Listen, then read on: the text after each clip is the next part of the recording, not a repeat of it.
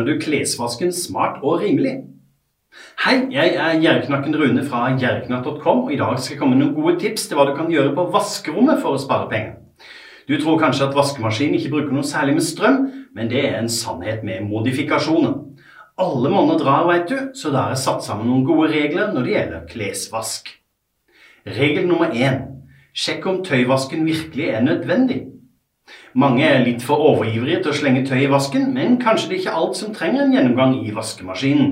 Strikkegensere og ulltøy kan bli så gode som nye med en dag på snora ute eller på en kleshenger i dusjen.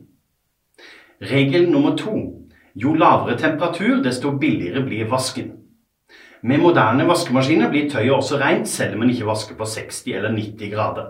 Dagens vaskemidler sørger for gode resultater, faktisk allerede ved 20 grader, men vanligvis velger man 30 eller 40 grader for å være på den sikre sida. En vask med 90 grader er egentlig bare nødvendig dersom man har vært syk. Dog anbefales det at man minst én gang i måneden kjører en maskin med 60 grader for å sikre at eventuelle bakterier i maskinen dør en stille død. Du følger kanskje varmeanvisningen på vaskeetikettene. Selv om det f.eks. står 40 grader, takler klærne fint og vil vaske på en lavere temperatur. De færreste klær er så møkkete at du må følge gradanbefalingen til punkt og prikke. Jo lavere temperatur, jo mer strøm sparer man. Det meste av energibruken i vaskemaskinen går uansett med til å varme opp vannet som skal brukes. Regel nummer tre jo lengre vask, desto billigere blir vasken. En kort vask bruker mer energi enn en vask på økoprogram. Maskinen må varme opp vannet på kortere tid, sånn at det blir tid igjen til den egentlige vaskerunden. Det er derfor mest økonomisk å velge et spareprogram, selv om det kan ta en god del lengre tid. Programmer i økomodus rengjør grundigere. Regel nummer fire jo fullere maskin, desto bedre. De fleste vet jo at en ikke skal fylle maskinen fullstendig. Det sier seg sjøl at da blir det vanskelig å rengjøre tøyet fordi det ikke får plass til å bevege seg rundt. Et godt råd er derfor å fylle maskinen to tredjedel, eller iallfall gi plass til en stor knyttneve. For å unngå fristelsen å starte en maskin med for lite tøy, bør du heller samle opp passende tøy til du har nok til å fylle en hel maskin. Husk at ømfintlig tøy trenger mer plass, og derfor har de fleste maskiner også sånne program hvor anbefalt fyllmengde er lavere. Regel nummer fem. Husk riktig dosering av vaskemiddel. Ikke bruk for lite eller for mye vaskemiddel når du skal vaske. Det er feil å tro at jo mer vaskepulver du bruker, jo renere blir tøyet. De fleste erfarne vaskere har etter hvert samla erfaring hvor mye vaskemiddel som er nødvendig for å få et godt resultat. Du bør prøve deg frem og finne frem til den mengden som er nødvendig akkurat hos deg. Variasjoner kan oppstå avhengig av hvor stor mengde maskinen din takler, og også hvor hardt vannet ditt er. Regel nummer seks skyllemiddel er en unødvendig utgift. Det er flere grunner til å la være å bruke tøymykner eller skyllemiddel. Har du eller noen i familien sensitiv hud, kan det hjelpe å kutte ut tøymykner. Å vaske uten tøymykner sparer både miljø og lommebok. Ifølge eksperter øker også vaskehyppigheten når man bruker skyllemiddel.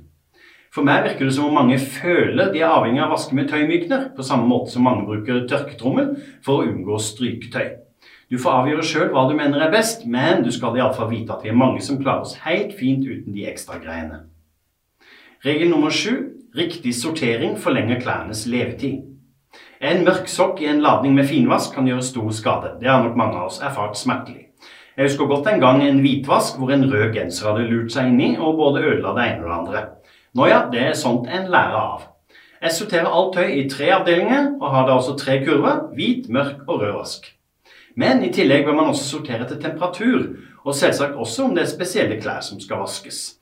Ingen ønsker vel at en fin ullgenser havner sammen med en vanlig vaske. Regel nummer åtte unngå håndvask av tøy.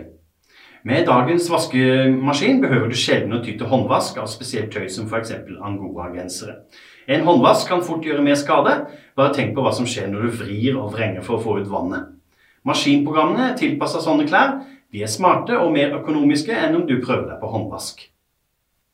Regel nummer ni bruk tørkestativ fremfor tørketrommel.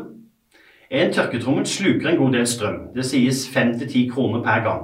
Sånt blir det penger av i det lange løp. Ja, jeg skjønner at noen har problemer med å tørke på stativ, enten pga. plass, tid eller kanskje allergi. Men du kan kanskje begrense bruken så mye som mulig. Og er det vinter, så syns jeg det er ekstra fint og smart å bruke tørkestativet. Med fyring og sånt blir det ofte tørr luft inne, og da bidrar klærne på tørkestativet til et bedre innemiljø hos oss. Men husk at det faktisk også spiller en rolle hvor du plasserer tørkestativet.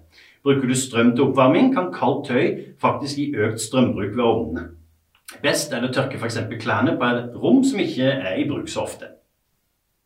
Takk for meg. Dersom du likte dette innlegget, håper jeg du har lyst til å ta en titt på nettsida mi, jeriknatt.com, og ellers følg med på sosiale medier som YouTube, Facebook, Snapchat og Instagram.